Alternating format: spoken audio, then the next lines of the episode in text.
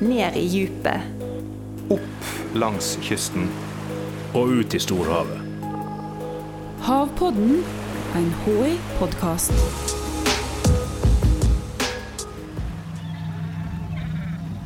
Havforskerne dupper i en liten båt i åpent hav. De er på jakt etter det som kanskje er verdens mest ikoniske fisk. Den største tunfisken av de alle, makrellstørja. Vi har sett to større som har hoppet. Målet er å feste satellittmerket på den svære fisken, for å se hvordan den reiser. Det går nemlig fort, veldig fort. Ja, så Størja kan jo svømme 70 km i timen. Og den kan dykke ned til 1000 meters dyp. Og den kan krysse Atlanterhavet på 50 dager. For en fisk! Denne Formel 1-fisken er altså en sværing. Den kan bli over tre meter lang, veie godt over 500 kilo, og den kan leve til den er opp mot 50 år gammel. Ja, mitt navn er Leif Nøttestad. Jeg jobber som eh, seniorforsker her på Havforskningsinstituttet. Og det er jo en fantastisk arbeidsplass. Og eh, jeg jobber mest med makrellbestanden, egentlig. Eh, men så jobber jeg òg en god del med den mest spennende fisken på kloden, nemlig makrellstørja. Hva er det med makrellstørja som gjør deg så begeistra? Nei, hvem, kan, altså, hvem blir ikke begeistra av en makrellstørje? Altså, alle som har sett en makrellstørje, ser jo at dette her er en fantastisk skapning. Det er en utrolig fantastisk fisk. Den er svær, gedigen. Den blir over tre meter lang. Han har en eh, utrolig kroppsform.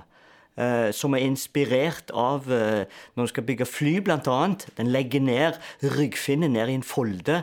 og Det gjør de òg på jagerflyene. Så her er det en eh, inspirasjonsfisk som blir brukt til mange formål. Og det er en veldig verdifull fisk.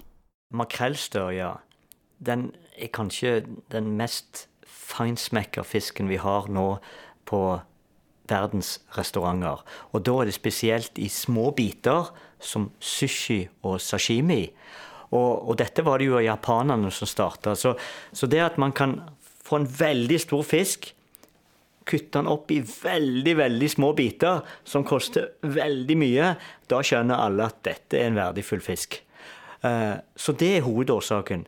Historisk så ble makrellstørja brukt til ja, man stekte, kokte og til hermetikk.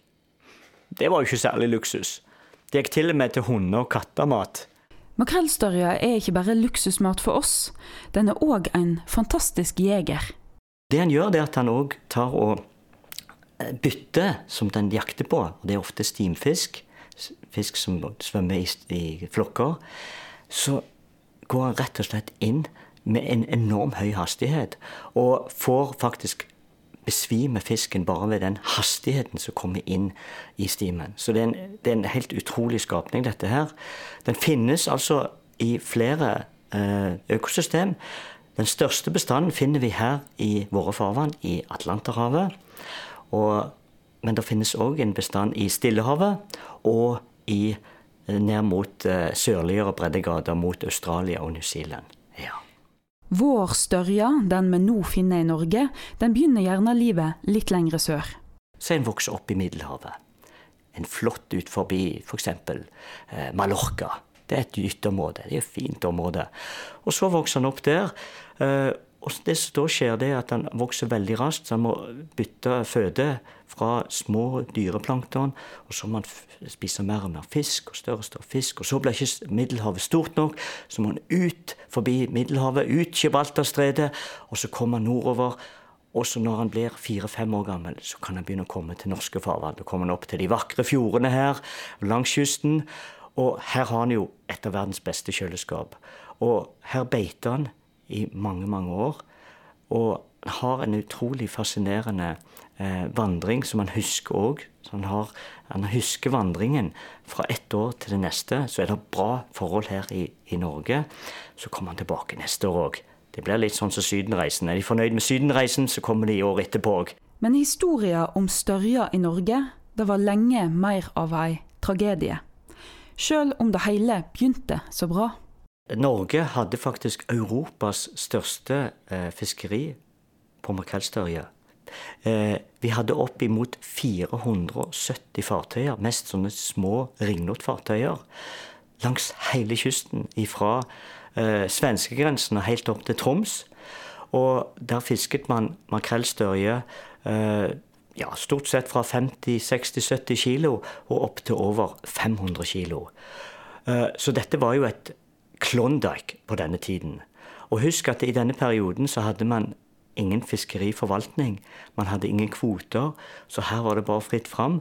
Og, og det er klart at det, det førte òg til utfordringer seinere. Men dette det viser bare det at makrellstørja den har lange tradisjoner i norske farvann. Det er arkeologiske utgravinger som viser at den har vært her i flere tusen år. Eh, og i tillegg så har man helleristninger i nord som viser òg makrellstørja. Og det var viktig mat allerede på, ja, på 1700-tallet. Så det har en lang, lang historie i norske farvann. Men utover på 1980-tallet ble det mindre og mindre størja i norsk farvann. Makrellstørja den, eh, den, kom eh, i en veldig vanskelig situasjon. Bestandsstørrelsen gikk kraftig tilbake. Det var ingen kvoter på makrellstørje. Det var ingen forvaltning, det var ingen god mengdemåling heller å finne hvor mye det var.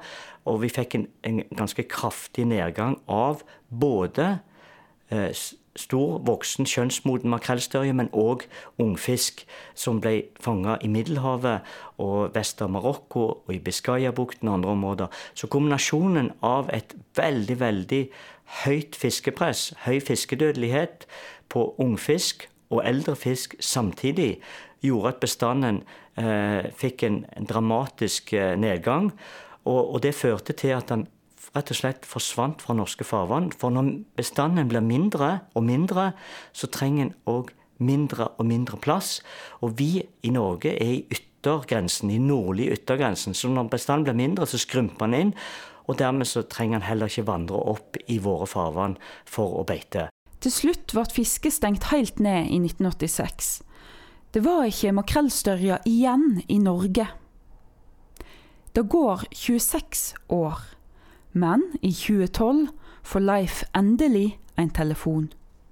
Jeg var faktisk i København når jeg fikk første meldingen. Jeg var på brua over uh, uh, denne her brua over i, midt i København og fikk en telefon fra Bergen som, som, der de sa at nå var makrellstørja kommet tilbake, for nå hadde de observert makrellstørja. Norge og Leif hadde i årevis jobba for å få på plass internasjonale tiltak for å berge bestanden. Men det var krevende å få med seg alle de andre medlemsstatene i ICAT, som er den internasjonale kommisjonen for bevaring av atlantisk tunfisk, og verdens største regionale fiskeriforvaltningsorganisasjon. Mirakelet skjedde altså i 2006 etter at Norge ble medlem. Og jeg vil si at Norge har gjort en, en fremragende jobb her òg. For vi hadde som ett mål, og det var å få makrellstørje tilbake til norske farvann. Og da var det knallhard medisin. Da var det å få ned kvotene. Eh, få vekk tjuvfiske så godt som mulig. Og, og, Norge gikk jo inn og foreslo et moratorium, altså et, rett og slett å stenge fisket på makrellstørje. I hele Atlanteren? I hele det var jo stengt her. Ja, det var hele, og, og, og, dette var jo så dramatisk at, eh, at vi ble jo faktisk opplevde å uh, få drapstrussel i delegasjonen. Sånn at uh, her gikk det jo uh, heftig for seg da. Så dette viste jo da at det var en ganske viktig fisk, dette her, som mange hadde tjent masse penger på. Og, men Poenget var jo det at her måtte det kraftig kost til og kraftig eh, tiltak til for å få denne bestanden opp igjen. Så har vi kjempa og kjempa og kjempa i år etter år for å få denne størja tilbake. Og endelig da så lykkes vi, etter hardt arbeid over mange år. Og det var jo fantastisk å få han tilbake. Og hadde, mange hadde nok avskrevet han. Jeg var nok ikke en av de, jeg er alltid optimist. Så nå har vi faktisk makrellstørje. Det begynte i det små. Men nå ser vi mer og mer makrellstørje som kommer inn i våre farvann. Og jeg tror det er veldig mange som er glad for det. Ja, for helt overordna, hva tenker du er status for makrellstørja i Norge i dag? Dette er stor fisk som kommer opp og beiter i våre farvann. Vi ser at makrellstøya sprer seg lenger og lenger ut i eh, områdene i Norge.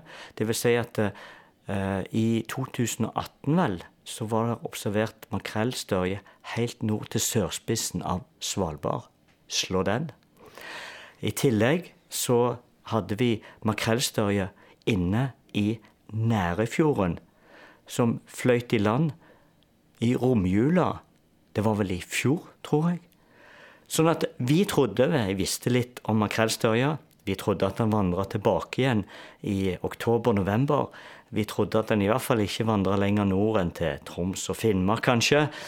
Men det vi ser nå, det er at makrellstørja gjør ikke sånn som vi forteller at han skal gjøre. Den gjør noe helt annet, nemlig det sånn som den vil. Men det som er fascinerende, det er at vi må bare følge med i åra som kommer, hvor makrellstørja faktisk eh, er, hvor han vandrer.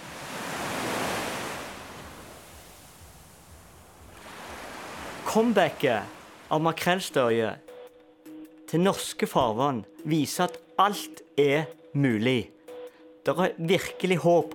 Og når man klarer det for makrellstørja, som er den, kanskje den vanskeligste bestanden, fiskebestanden på kloden, så klarer man det for alle andre fiskebestander. Havpodden er en podkast fra Havforskningsinstituttet. Jeg heter Stine Hommedal og er rådgiver her.